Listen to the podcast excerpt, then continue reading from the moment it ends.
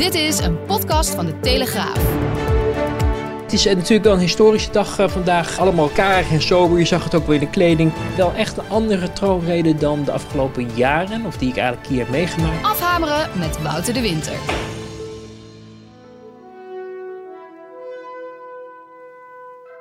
Door het coronavirus werd dit voorjaar ineens alles anders. Ook deze Anders dan Anders Prinsjesdag. Al dat gedoe met die paarden, dat mis ik het meest. Dat vind ik heel erg leuk. Nou, het is natuurlijk de grootste economische dip eh, sinds de Tweede Wereldoorlog. En dat kan je onmogelijk goed nieuws noemen. In dat besef maakt de regering de keuze in deze onzekere tijd niet te bezuinigen. Het was een hele sobere, ingetogen troonrede. Wat ik zo erg heb gemist is gewoon ook de problemen van de gewone Nederlanders. Dat is niet waar. Het ging een heel groot deel over zorg. Het ging over onderwijs. En dat zijn de sectoren waar we het nu echt van moeten hebben. Die de ruggengraat van deze samenleving vormen. Leven de koning. Hoera. Hoera. Hoera. Politiek commentator Wouter de Winter zeg ik dan altijd. Ja, we zitten in het Tweede Kamergebouw. Ja, waar zitten we eigenlijk? Ja, een van een zweetkamertje. eh, wat vroeger ooit eens een persbuffet heette. Dat was een apart eh eh, horeca-cornertje, zullen we maar zeggen. Waar journalisten zich en woordvoerders zich goed konden doen aan voorverpakte broodjes.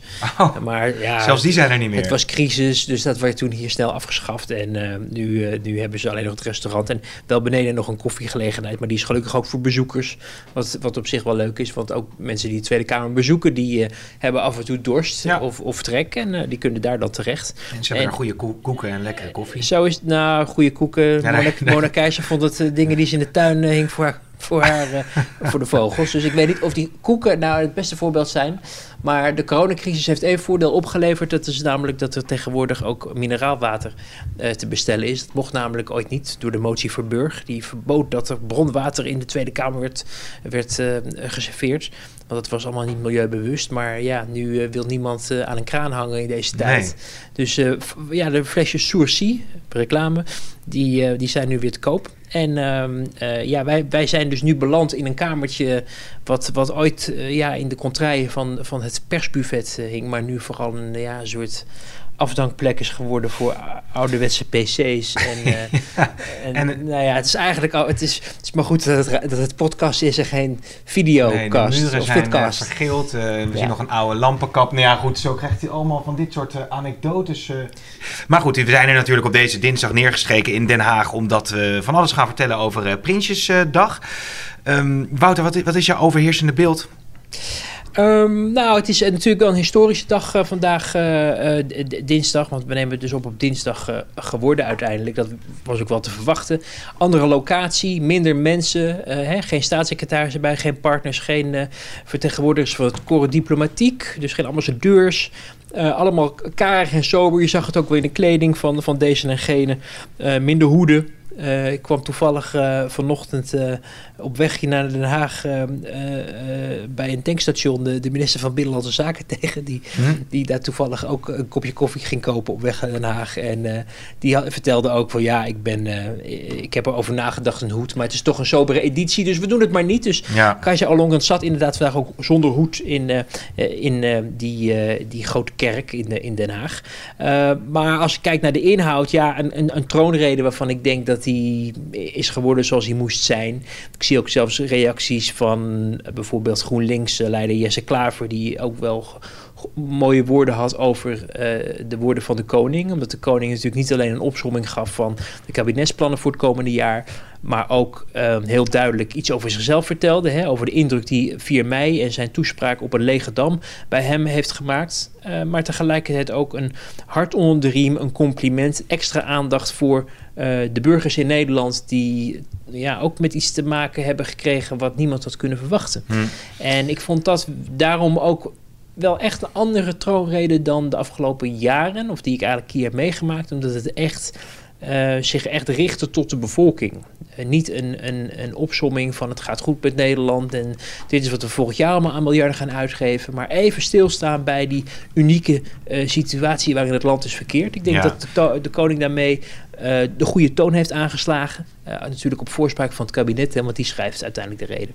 Ja, ik eh, moest overigens één moment, vind ik wel, eh, wel altijd wel weer eh, opvallend. Want dan bedankt hij dus de mensen die zich in hebben gezet eh, in deze coronacrisis. En dan vraag ik me altijd af, nou wie zal die dan allemaal noemen? Hè? We kunnen het fragment nu even laten horen. Mijn bewondering en dank gaan uit naar iedereen die in de zorg en elders in de samenleving al het mogelijke deed om de coronacrisis het hoofd te bieden. Verpleegkundigen en schoonmakers, BOA's en defensiepersoneel, supermarktmedewerkers en mensen in het openbaar vervoer. Maar hij bedankt dan dus de supermarktmedewerkers, het zorgpersoneel, schoonmakers. En denk altijd van ja, zouden mensen zich nou gepasseerd voelen omdat ze niet door de koning worden genoemd? Want ja, je kunt die reis natuurlijk praktisch oneindig. Ja, Wij zouden ook bedankt kunnen worden voor het feit dat we hard hebben doorgewerkt in de coronacrisis. Ja, hoewel ik mij geen, gezegd. ja, geen illusie maak dat het, de uitdagingen van in andere sectoren echt, eh, Uiteraard. eh, echt veel hoger lagen. Maar ehm, ja, maar ik, vind, ik, ik denk ook dat de meeste mensen ehm, ook wel een gevoel hebben dat de mensen die genoemd zijn. Ja, je denkt toch aan de mensen die in de zorg werken. Je denkt aan de vakkenvullers, je denkt aan de BOA's. Ja. Je denkt aan de politieagenten die soms mensen ook eh, uit elkaar moeten houden. Die, zijn, die niks, zich niks aantrekken van de coronaregels. En eigenlijk hun eigen veiligheid en hun eigen gezondheid op het spel zetten om het land veilig te houden. Ehm, ja, ik denk dat iedereen die in zo'n sector werkt zich wel enigszins aangesproken voelde zonder dat zijn naam eh, of zijn Ja. beroepsgroep precies werd genoemd. Ja. Ehm, wat opviel uit eh, de troonrede en ook eh, zojuist de minister van Financiën Hoekstra en het aanbieden van het koffertje, is dat de boodschap natuurlijk vol zit met zorgen. Nu moeten we ons schrap zetten voor de gevolgen van een zware economische terugslag. Die ook doorwerkt in de economie en overheidsfinanciën op lange termijn. Hoe precies hangt af van de vraag tot wanneer en in welke mate het coronavirus ons in de greep blijft houden. Maar alle recente cijfers en ramingen zijn ongekend in vredestijd. Nu hebben we te maken met de sterkste economische krimp sinds de Tweede Wereldoorlog. We hebben inmiddels voor tientallen miljarden aan noodmaatregelen genomen en er zijn tientallen miljarden aan beoogde inkomsten verdampt. En voor een belangrijk deel moet de klap nog komen. Ja, zorgen, eh, een hele duidelijke pas op de plaats. Eh, je, je weet niet wat je, wat je niet weet, zei, eh, zei Wopke Hoekstra. Deed me een beetje denken aan wat Donald Rumsfeld toen zei. De Amerikaanse minister van Defensie tijdens de regering van de tweede Bush. Ehm, van, je hebt unknown knowns en unknowns unknowns. Dus de dingen die je niet weet, ja, dat kan je ook niet, die kan je ook niet weten. Ehm, het was een beetje de, de, vergelijking die natuurlijk eh, Hoekstra probeerde te maken met het feit dat die coronacrisis een jaar geleden, laat staan een half jaar geleden, eh, of laten we zeggen januari, niemand voor mogelijk had gehouden wat er gebeurde. Hè. Er zoveel economische voorspoed, ehm, geld dat tegen de plinten opklotste eh, in het kabinet, lage werkloosheid, ehm, staatsschuld die afnam, eh, begrotingsoverschot wat, wat we hadden. En dat in, in één klap dat allemaal weg is. Ehm, dat geeft ook aan dat die coronacrisis schillig is. En het feit dat we nu eh, de eerste klap hebben kunnen opvangen. En we nu ons gezegend weten met gelukkig nog niet zoveel, eh, laten we het afkloppen, eh, eh, opnames op, in IC's en doden. Eh, dat het niet wil zeggen dat het niet alsnog terug gaat komen. Ja. En vooral eh, het feit dat er dus een heel duidelijke waarschuwing wordt gegeven van denk niet dat het voorbij is. Eh, ja, ik denk dat dat, dat dat niet voor niks was. En waarmee het kabinet natuurlijk ook hoopt dat de bevolking zich dat ook realiseert en daarna handelt. En dus afstand houdt, hygiënemaatregelen, et cetera, et cetera. Ik, ik weet niet of dat lukt alleen. Nee.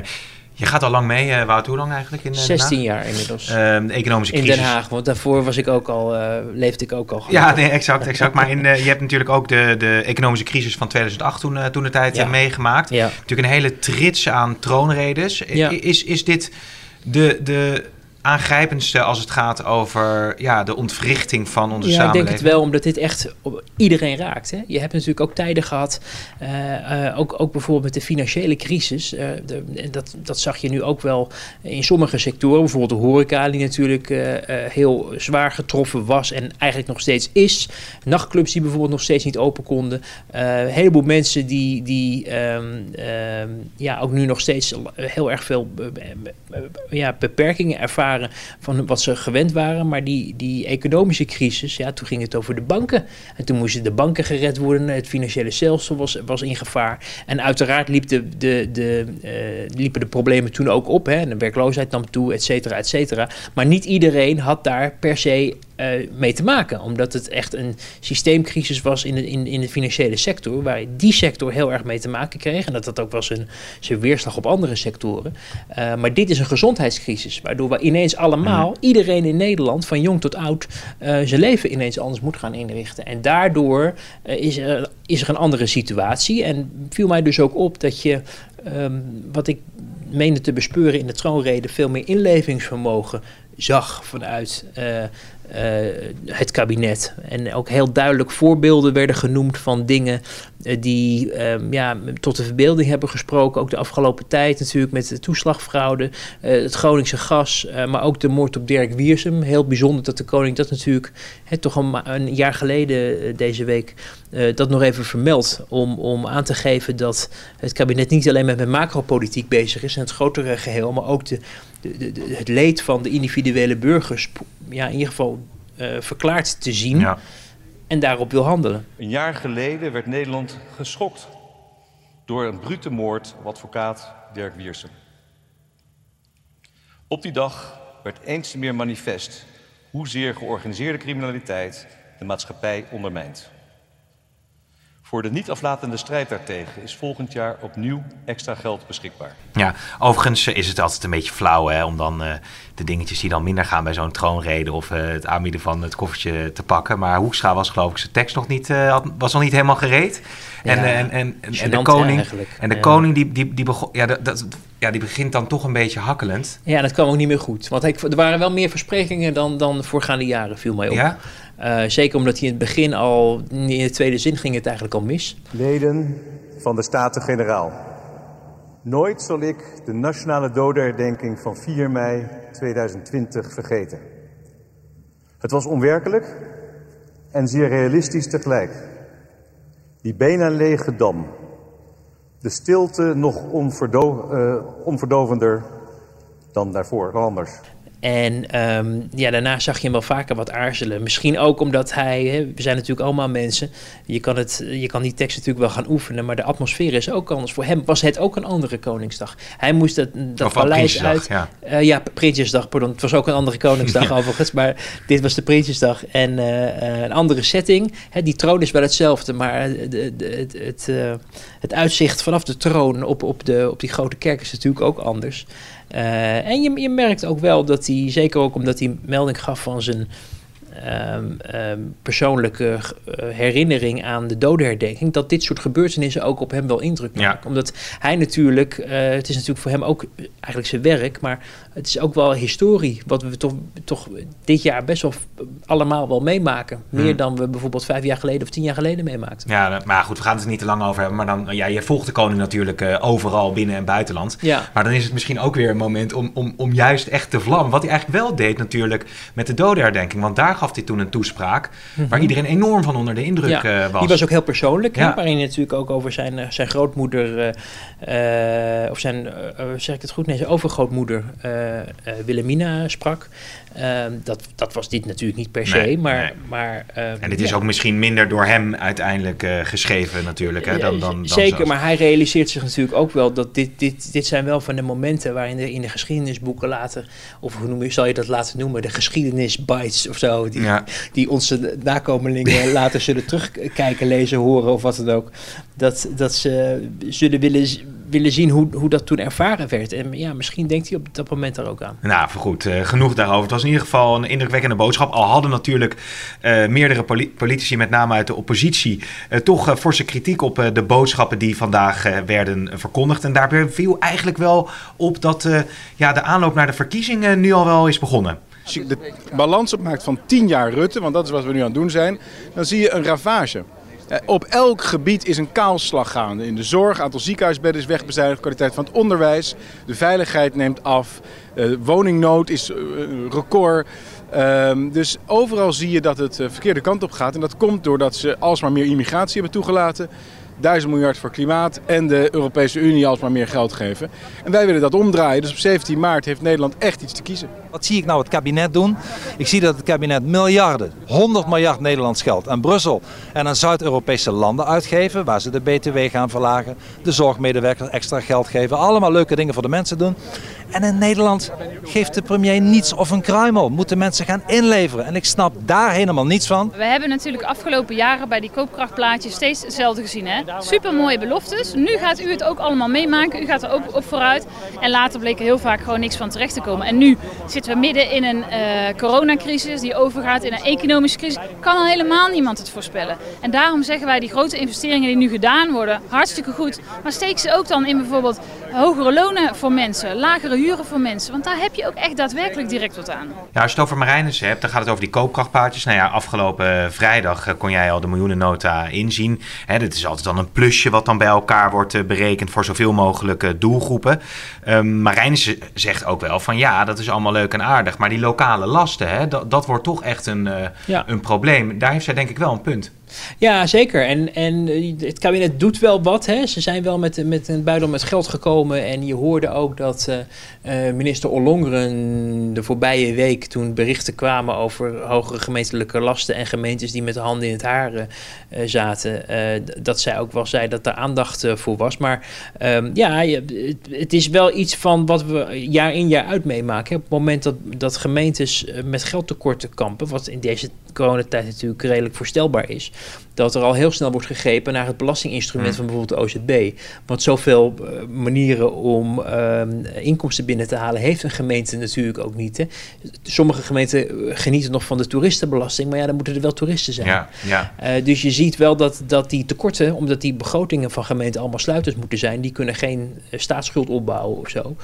Um, dus dat is wel een probleem. En ik, ik denk dat, dat Marijnus daar wel een punt heeft. Ik vraag me alleen af in hoeverre dat zich op lokaal niveau allemaal gaat vertalen. Het, het kabinet gaat denk ik niet uh, een soort generaal pardon voor, voor tekorten afkondigen nee. en iedere gemeente bijpassen. Dus er zal ook op gemeentelijk niveau uh, een, een poging gedaan moeten worden om, uh, ja, om in ieder geval de ergste schuldpositie weg te werken. En dat betekent dan dat de lokale lasten gaan stijgen. Ja, terwijl mijn telefoon nog even afgaat. Ja, het is natuurlijk toch altijd een beetje een gekke dag, zo die Prinsjesdag, waarbij er allerlei dingen op je afkomen. Wat ik nog afvroeg, Wouter, um, er is nu ook wel ophef over de langdurigheid van de test voor uh, corona. Uh, de GGD heeft eigenlijk heel veel moeite om dit uh, aan te kunnen. Nou, we hadden in de Telegraaf hadden we eigenlijk ook een verhaal wat mij wel aangreep over medewerkers die eigenlijk een verrotte vis of veel ja. erger worden uitgemaakt omdat ja, mensen niet tijdig kunnen worden geholpen ja. en worden verwezen naar andere plekken van het land. Ergens heb je ook een beetje gevoel van, ja, we hebben het in zo'n troonrede, miljoennota, Prinsdag hebben we het over, over politieke vergezichten. Hoe het jaar er eventueel uit kan gaan zien. Aan de andere kant is het nu gewoon een dikke crisis natuurlijk ja, op dat ja, punt. Ja, dat, nee, zeker. En je ziet ook dus, en dan komen we weer bij wat we eerder bespraken, dat, dat frustratie over zaken wel aan het op, oplopen is. Hè? Dat mensen niet alleen geneigd zijn om sommige regels niet meer uh, na te leven, maar inderdaad ook uh, hun frustratie willen afreageren. Frustratie die je oploopt als je lang opgesloten zit, of het idee hebt dat je je erg je best doet, maar iemand anders doet het niet. Of het idee dat je krijgt dat als een bewindspersoon zegt dat er voldoende testen voorhanden zijn en je je meldt uiteindelijk bij de uitvoerende instantie daar daarvan, namelijk de GGD, ja. die geeft nul op het request. Of zegt je mag lekker naar de andere kant van het land om twee minuten voor drie uh, op maandagochtend of zo, of maandagmiddag, je melden om, om zo'n test te doen. Ja, dat, dat levert frustratie op. En, en die frustratie, ik denk dat we die allemaal wel ervaren in die coronacrisis. Van dingen die we willen doen, maar eigenlijk niet kunnen. En, en dat heeft wel zijn effect ook weer op die medewerkers. Dus dat, dat, dat, dat moment van de koning die dan nog even die, die groep mensen ook ja. een hart onder de riem wil steken. Ja, dat komt geen moment te vroeg. Ik weet niet of het genoeg is. Want nee. zolang een kabinet ook blijft roepen van dingen zijn voor elkaar en dan en dan hebben we het wel goed geregeld en dan vervolgens blijkt het niet zo. Uh, ja, dan, dan ondergaaf je wel je eigen geloofwaardigheid. En ik denk ook dat vooral Hugo de Jonge daar echt even op moet letten de komende tijd. Dat de tijd van bravoure en, en inderdaad vergezichten over uh, ja, toch een beetje kippen met gouden eieren die worden gesignaleerd. Uh, ook net met, met die app waarin ook werd geroepen van, van nou dat is toch wel echt de oplossing. En laatst in het debat werd gezegd, nou ja, als het niet werkt dan schaffen we het ook weer af. Weet je, elke keer toch wel hoog van de toren blazen om vervolgens niet te kunnen leveren wat mensen ervan verwachten, levert frustratie op bij mensen. En levert helaas ook die toch wel krankzinnige bedreigingen en verwijten op richting onschuldige GGD'ers die ook maar hun werk doen. Nee, precies. Maar aan de andere kant denk je ook wel van als je leraar bent of, of als je in een, in een juist dat beroep zit waar de koning het over heeft. Dan wil je gewoon ook, als je het gevoel hebt, ik heb corona of een collega of een werknemer Ja. van mij. heeft. En, en het voelt een beetje alsof je weer eh, terug bij af bent, bij wijze van spreken. Ja. Want je zou ook zeggen van ja, het moet nu gewoon geregeld zijn om Ja. die economie en vooral ook de maatschappij draaiende te houden. Ja. Nou ja, de frustratie en de, en de impact die het heeft. Niet alleen bij, die, bij die leraar, maar ook bij al die ouders van die 50 Ja. kinderen die ineens niet naar school kunnen. En die, die ouders die dus weer thuis moeten blijven thuiswerken, opvang moeten regelen, et cetera, et cetera. Eh, dus daar zit, wel een, daar zit wel echt een, een, een risico in. En eh, ik denk wat dat betreft ook dat het kabinet, eh, de opinieonderzoeken zien er nu gunstig uit voor het kabinet. Er is waardering voor en de VVD gaat heel goed. CDA natuurlijk wat minder en D66 ook.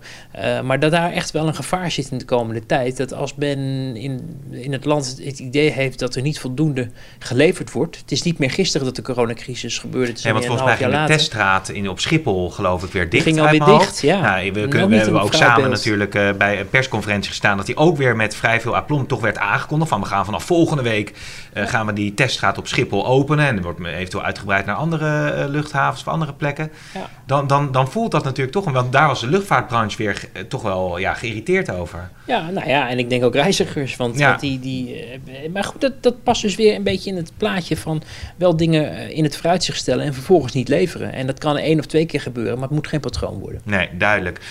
Ja, al met al dus over de Prinsjesdag hebben we het nu, maar we wijken al een beetje af naar, naar deze, G- dit GGD-verhaal. Laten we nog één ander element erbij halen. Dat, dat, dat kwam even, eigenlijk een beetje tussen neus en lippen door vandaag in één keer op de site bij de Telegraaf. Maar Wilders die was eh, weer bedreigd.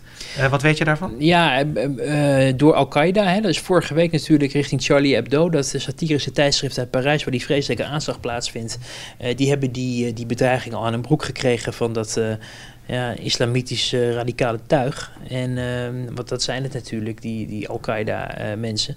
Ehm, en, en nu dus ook richting...